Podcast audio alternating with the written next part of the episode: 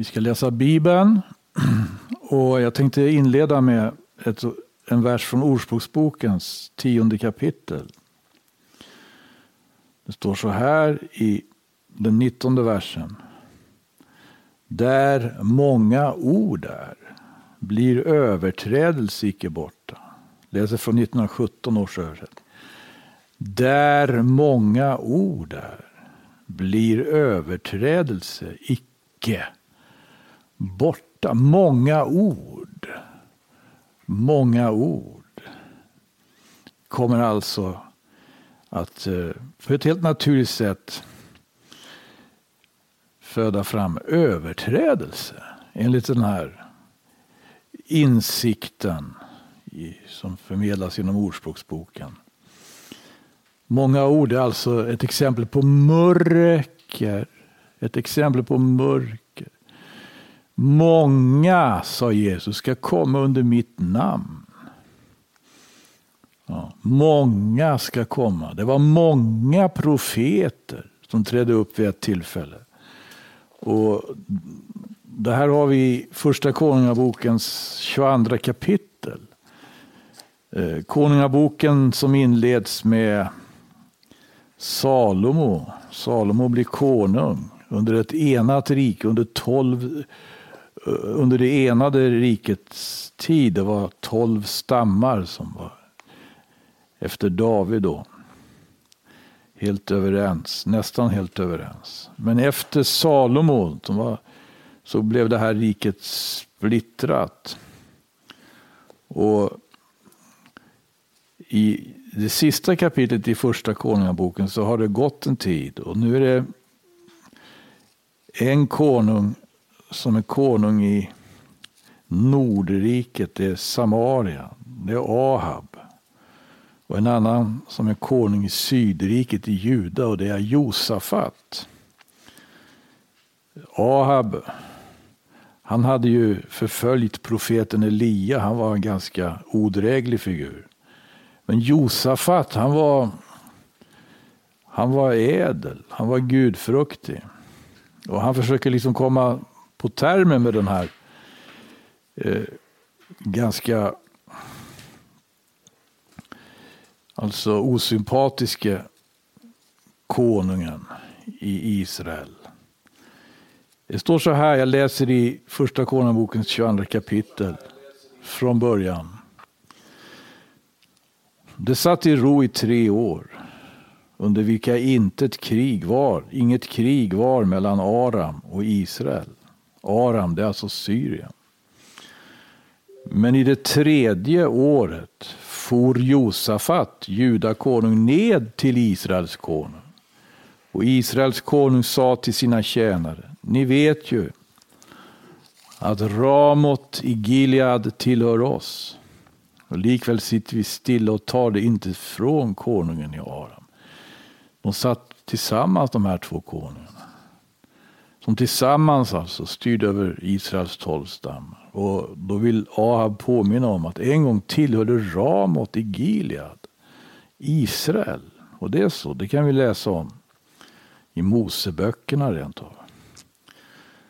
Men Ahab ställde frågan till Josafat. Vill du dra med mig för att belägra Ramot i Gilead? Josafat svarade Israels konung. Jag såsom du, mitt folk såsom ditt folk, mina hästar såsom dina hästar. Han, han har Josafat uppenbart en, en, en, han, har, han söker liksom komma på termer med Ava, riktigt ställa upp så mycket han kan. Men Josafat hade i alla fall ytterligare något att säga. Fråga dock först Herren härom. Josafat ville inte dra ut på något äventyr utan att ha sitt samvete med sig. Och då menar han, då måste man fråga Gud innan man gör någonting. För att vara klar över om det här är Guds vilja. Det var Josafats inriktning. Fråga först Herren. Fråga först Herren. Det kan ju tyckas ibland som att en förlust, den måste liksom naturligtvis repareras. De hade förlorat ett område. Och det naturliga var då, när man satt tillsammans, att komma och tänka på det. Kunde vi inte göra någonting tillsammans nu då? Nu när vi har kommit överens så långt, ska vi inte kunna se till att vi får tillbaka det här som vi har förlorat? Men det kan ju vara så att man har förlorat någonting. Därför att man har helt enkelt, det är för att det är rätt åt en. Och då är det inte så säkert att man får igen det. Har man förlorat någonting, så att säga som att det är inte bara att gripa så att säga tag i igen. Då måste man, menar Josef, att först förvissa sig om att det här är Guds vilja. Fråga först Herren härom. En verkligt allvarlig hållning hos den här mannen, Josafat. Då församlade Israels konung profeterna vid pass 400 män och frågade dem, 400, 400 profeter. Det var många det. Ska jag dra stad mot Ramot i Gilead för att belägra det? Eller ska jag avstå därifrån? Det svarade, dra dit upp. Herren ska ge det i konungens hand. De hade liksom pejlat vad som var konungens vilja. Men var de egentligen så allvarligt intresserade av vad som var Guds vilja? Josafat ville veta vad som var Guds vilja. De här profeterna som talade i Herrens namn och Herrens vägnar. De ställde helt upp för förslaget. Men Josafat kände sig inte riktigt eh, alltså, lugnad av det här beskedet. Utan han sa då, i, som vi läser i vers 7 här, finns här ingen annan Herrens profet så att vi kan fråga genom honom. Många profeter kunde inte ge den här konungen ett intryck av att här är faktiskt eh, något, ett, ett, ett, ska vi säga, ett klart besked. Nej. Finns här ingen annan? Finns här ingen annan? Tänk att det kan komma sådana tider. Då man, man, man måste liksom, ja, faktiskt reservera sig för majoritet. Det var i alla fall en majoritet här. Majoritetens uppfattning. Den, den religiösa majoritet som det handlar om här. Finns här ingen annan Herrens profet? Så att vi kan fråga genom honom. Och det här var ju inte det enklaste att det skulle kunna eh, finnas en sån. Som ska säga på ett mer trovärdigt sätt kanske då, eller mer övertygande sätt kunde tala om vad som var Guds vilja. Israels konung Ahab svarade Josafat, här finns ännu en man, Mika, Jimlas son, genom vilken vi kan fråga Herren. Men han är mig förhatlig, han är mig förhatlig, ty han profeterar aldrig lycka åt mig, utan allenast olycka. Josafat sa, konungen säge icke så. Konungen säge icke så. Här, han var väldigt fin ton. Va? Han fräste inte, han eh, var inte liksom på något vis, eh, ska vi säga, ovänlig ton. Utan han, han, han, ser konungen här som konung. Konungen säge icke så. Så bör inte konungen tala. som den här konungen, Ahab, gjorde. Han, han, det fanns ännu en man, ännu en. Mil, Mika, Gimla son, genom vilken vi kan fråga Herren. Men han är mig förhatlig. Ty han profeterar aldrig lycka åt mig, utan allenast ord. Det här är påminner om e-, e-, ett kapitel i profeten Jeremias bok. Där Jeremia får anledning liksom att, att undervisa om pro, själva det profetiska, ska vi säga, Eh, den profet, det profetiska ämbetet, den profetiska uppgiften, karaktären. Han, han befinner sig också i ett sammanhang med andra profeter som är väldigt, väldigt så att säga, eh, ja, i alla fall uppträder på som att de vore väldigt övertygade. Jeremia har nämligen gått i många år och varnat för att om inte Israel omvänder sig till Gud så kommer det avfall som har påbörjats, att det kommer att leda till en, att främmande makt invaderar. Och han har, han har förvarnat om att den här invasionen, den här ockupationen kommer att vara i 70 år. Men i helt i strid mot vad Jeremias hade, hade, hade sagt så, så uppträder andra profeter, den som hette Hananja. Och han säger att de hade redan börjat känna att de blivit trängda av, av Babylon. Men det här ska bara dröja två år, säger Hananja, så ska, jag bryt, så ska Herren Gud bryta den babyloniske konungens ok.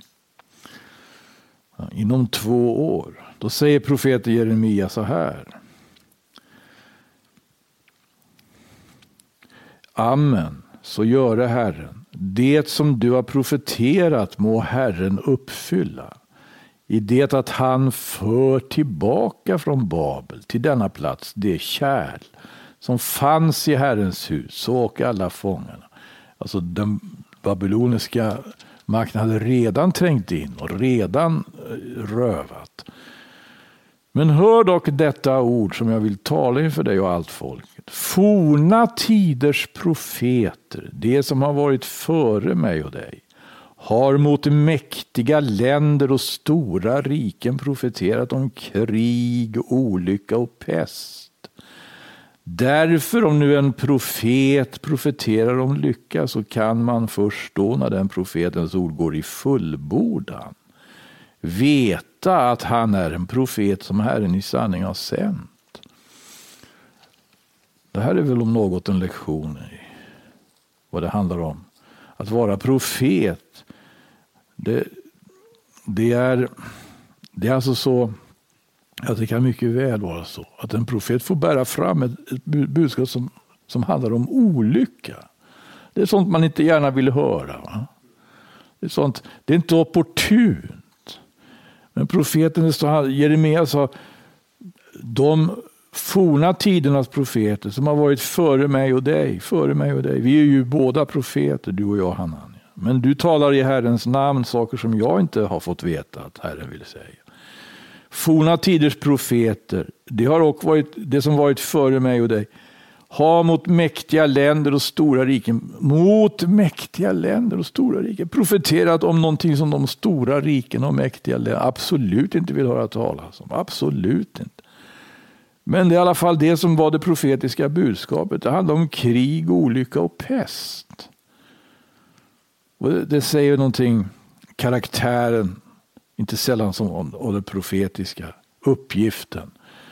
Att tala sanning i ett underläge, i ett materiellt och fysiskt underläge.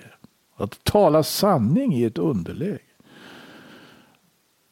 Det står i Nya Testamentet att vi ska ta profeterna som talade i Herrens namn till våra förebilder i att uthärda lidande och visa tålamod. Det finns alltså någonting här. Och Det här var ju också anledningen till att, att Ahab gärna inte ville lyssna till Mika. Han profeterar aldrig lycka åt mig utan allenast olycka. Det vill säga han, han hade inget opportunt budskap på det viset. Josafat sa konungen säger icke så. Då kallade Israels konung till sig en hovman och sa Skaffa skyndsamt hit Mika, Jimlas son. Israels konung och Josafat, judakonung, satt nu var och en på sin tron, iklädda sina skrudar på en tröskplats vid Samarias port, under det att alla profeterna profeterade inför dem. Och de var helt överens. helt överens. De profeterade om seger. De profeterade om framgång. De profeterade om lycka. Det här företaget ska verkligen, ska verkligen alltså bli framgångsrikt. Och en av dem står det i Sitka Kenana son. Han gjorde horn av järn åt sig. Och så sa han, så säger Herren. Med dessa ska du stånga arameerna så att det förgöras. Och alla profeterna profeterade på samma sätt och sa, drag upp mot Ram och Tigiliad så ska du bli lyckosam. Herren ska ge dig i konungens hand. Och de här profeterna, de gör någonting som är typiskt profetiskt. De, de agerar liksom som, eh, de tar till en profetisk, eh, som den här Sitka, en demonstration. Det är en profetisk demonstration. Han gjorde sig horn av järn och sa så säger Herren, med dessa ska du stånga arameerna så att det förgörs. Jeremia, det var också en profetisk demonstration. När profeten Jeremia hade invänt, ja, vi får se hur det går då.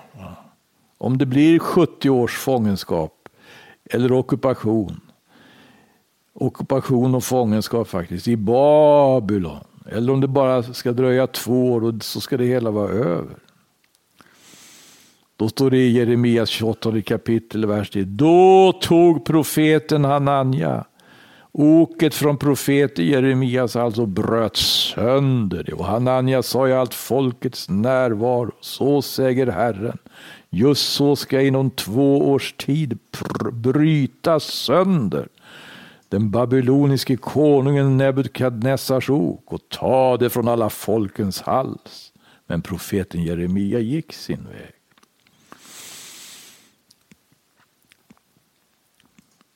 Sen, står det, efter det att profeten Hananja hade brutit sönder oket och tagit det från profeten Jeremias hals, kom Herrens ord.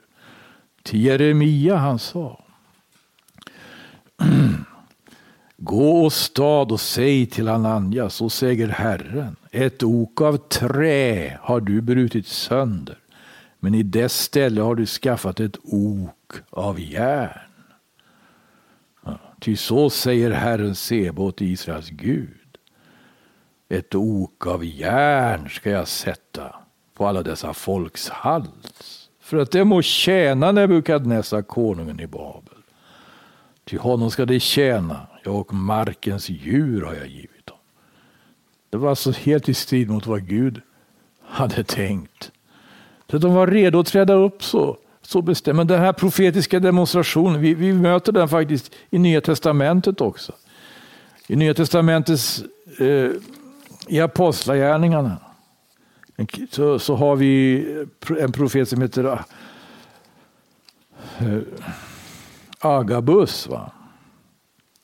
Det är när Paulus, aposteln Paulus, är på väg mot Jerusalem efter att ha fullgjort tre missionsresor. Fullgjort tre missionsresor i länderna kring Medelhavet. Och väldigt mycket i områden som det nuvarande Turkiet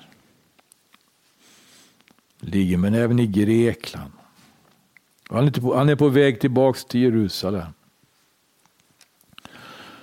Och han stannar till på en plats och när han är där, står det under, under den tid av flera dagar som vi stannade där, vers 10, Apostlarnas 21 kapitel, kom en profet vid namn Agabus dit ned från Judeen.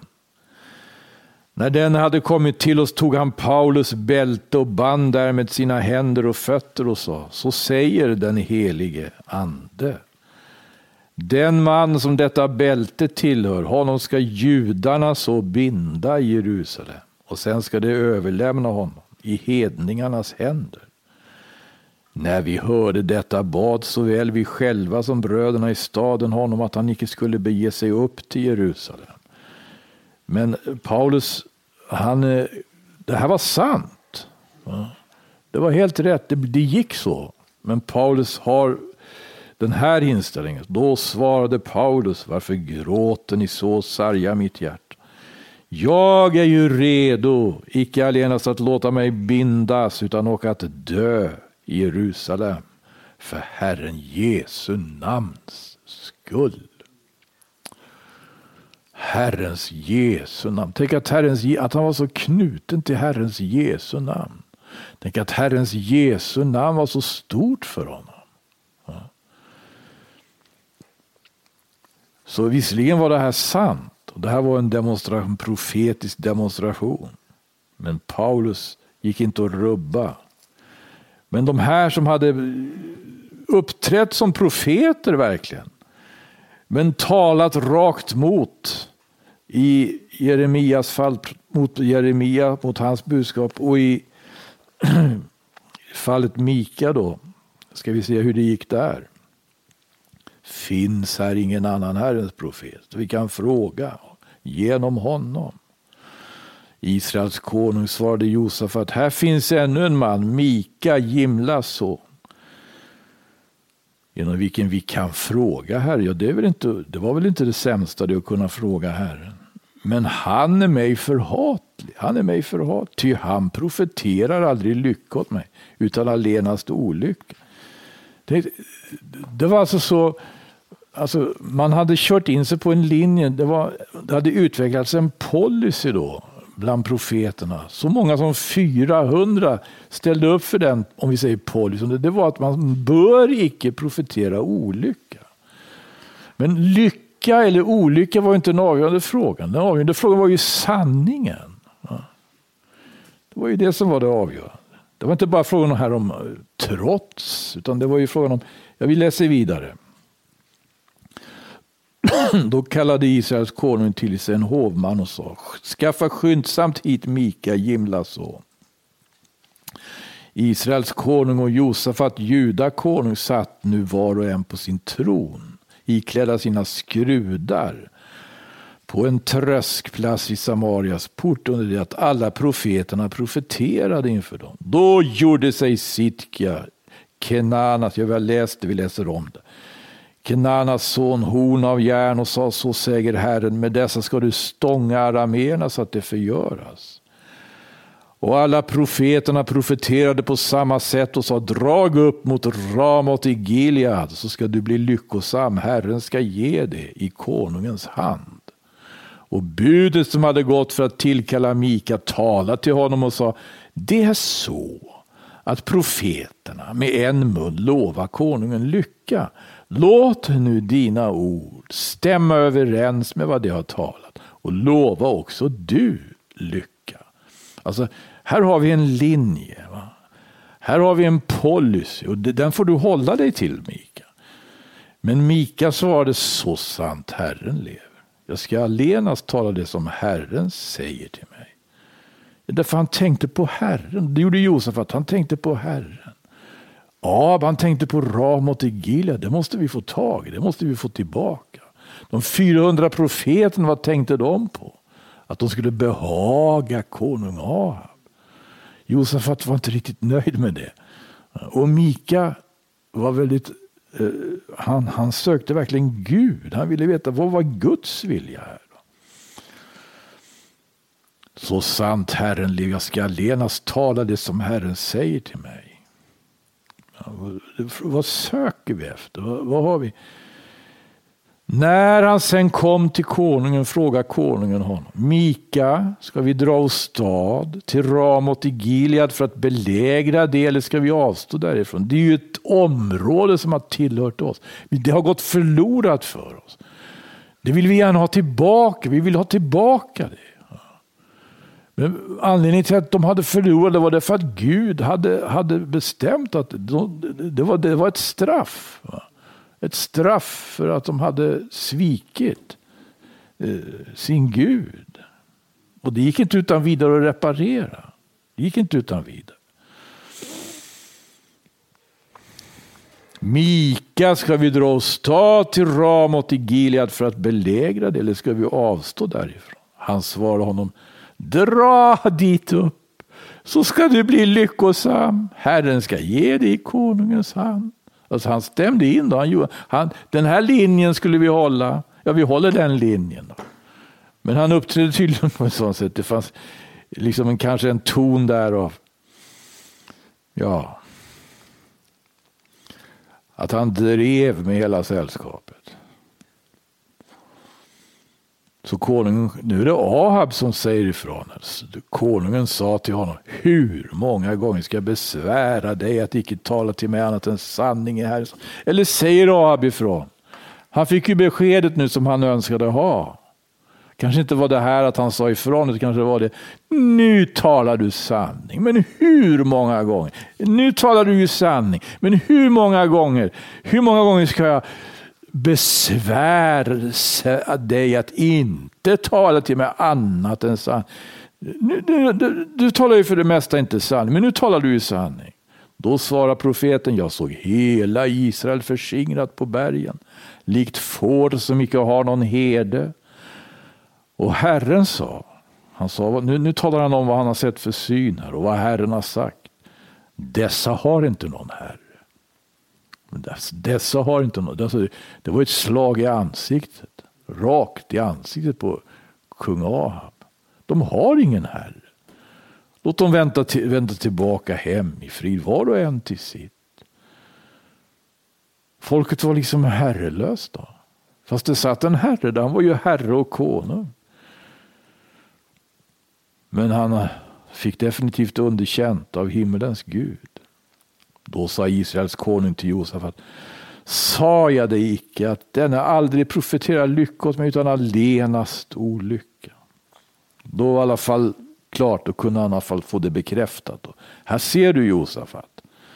Det var lite misstänkt där ett tag. Varför dag är det här?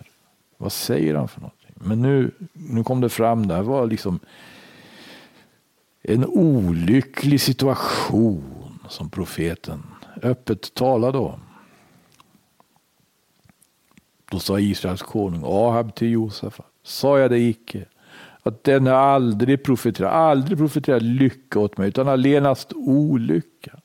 Men det var, ju, det var ju inte lycka eller olycka, det var ju sanningen som var avgörande. Ja.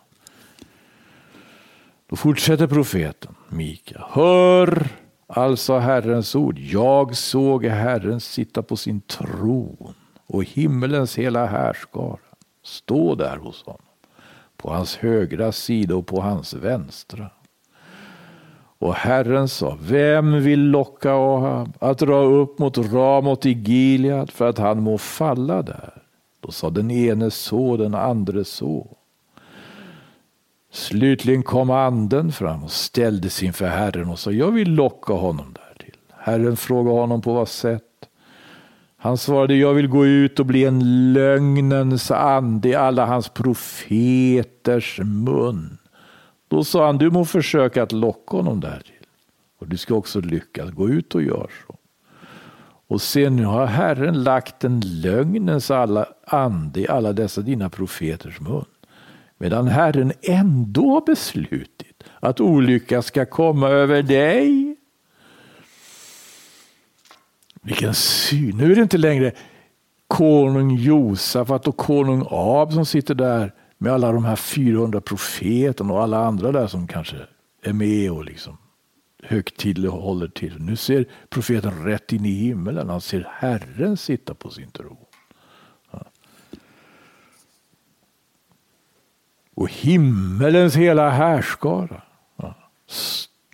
Stå där hos honom. Och Herren säger, Herren har ju Israel på sitt hjärta och situationen där.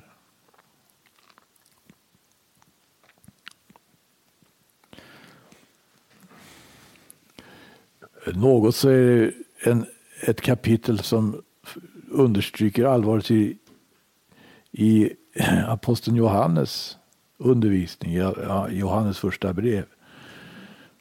Tro icke var och en ande, utan pröva andarna. Här var de alla profeter. Och de förstod att uppträda som profet. De förstod att det, det, det fanns liksom det rent elementära då. Tala i Herrens namn. genomföra, så att säga, utföra demonstrationer, profetiska demonstrationer. 400 de var helt överens. Det var kompakt. Men så fanns det en. Han uppfattades som en riktig olyckskorp. Men han var ju representanten för ljuset. Det de andra gjorde anspråk på att vara. Det var de inte. Det var han som var det. Han uppfattades som en olyckskorp. Ljuset lyser i mörkret. Gud var evigt lov. Nu har Herren lagt en lögnens ande i alla dessa dina profeters mun, men medan Herren ändå har beslutit att olycka ska komma över dig. Då trädde Sitkia, Kenanas son, fram och gav Mika ett slag på kinden och sa på vilken väg har då Herrens ande gått bort ifrån mig för att tala med dig? Mika svarade, du ska få se det på den dag då du nödgas springa från kammare till kammare för att gömma dig. Men Israels konung sa, tag Mika och för honom tillbaka till Amon, hövitsmannen i staden, och till Joas konungasonen och säg, så säger konungen, sätt den i fängelse och bespisa honom med fångkost till dess jag kommer välbehållen hem. Mika svarade, om du kommer välbehållen tillbaka så har Herren icke talat genom mig. Han kom inte välbehållen tillbaka. Han föll på slagfältet.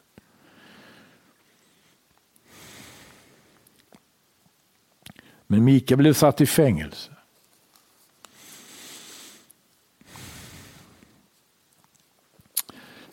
Är det här någonting, kan det här illustrera för oss? Om man säger, den är inte alltid så lättillgängliga sanningen att ljuset lyser i mörkret. Var finner vi just det här uttrycket? Det finner vi i Johannes evangeliet. Om vi går till Johannes evangeliets första kapitel.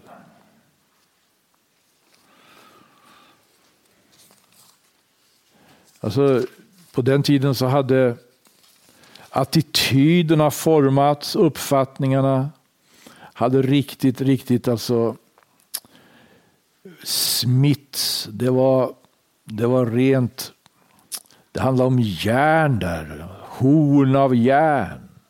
Det var så, det var så, det var så starkt befäst allt som man hade liksom eh, gått in för. Då. Det skulle bli ett framgångsrikt fälttåg. Det var bara inget att diskutera. Det, det, var, det var framgång och det var lycka, men det var inte det alls. Evangelium enligt Johannes. Bara läsa några ord i början där. I begynnelsen var ordet och ordet var hos Gud och ordet var Gud. Detta var i begynnelsen hos Gud. Genom det har allt blivit till. Och utan det har inte blivit till som är till. I det var liv och livet var människornas ljus. Och ljuset lyser i mörkret och mörkret har icke fått makt därmed. Pris Gud. Ljuset. Han föddes i Betlehem har vi hört. Men det har väl inte tystnat helt, det budskapet. Men han växte upp också. Och det som, det som han så att säga kom att eh, genomföra och utföra. Det visade sig att det skulle inte vara lättköpt. Det som var hans målet, mål, hans mål. Det står att han är ordet här.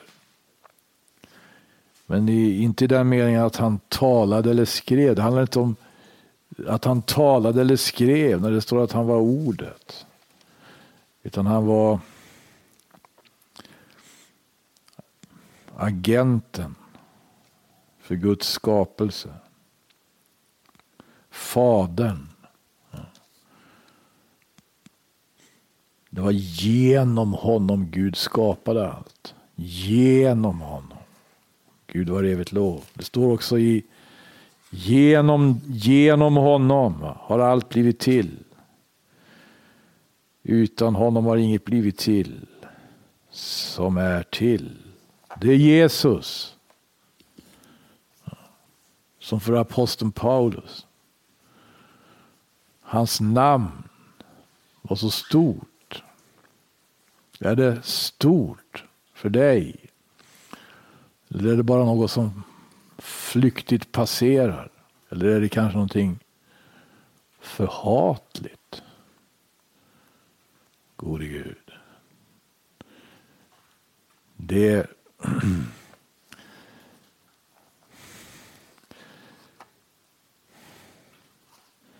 Det är trots allt hos honom, i honom, som vi möter sanningen. Genom honom har allt blivit till, utan honom har ingenting blivit till som är till. I första Korinthierbrevet skriver aposteln Paulus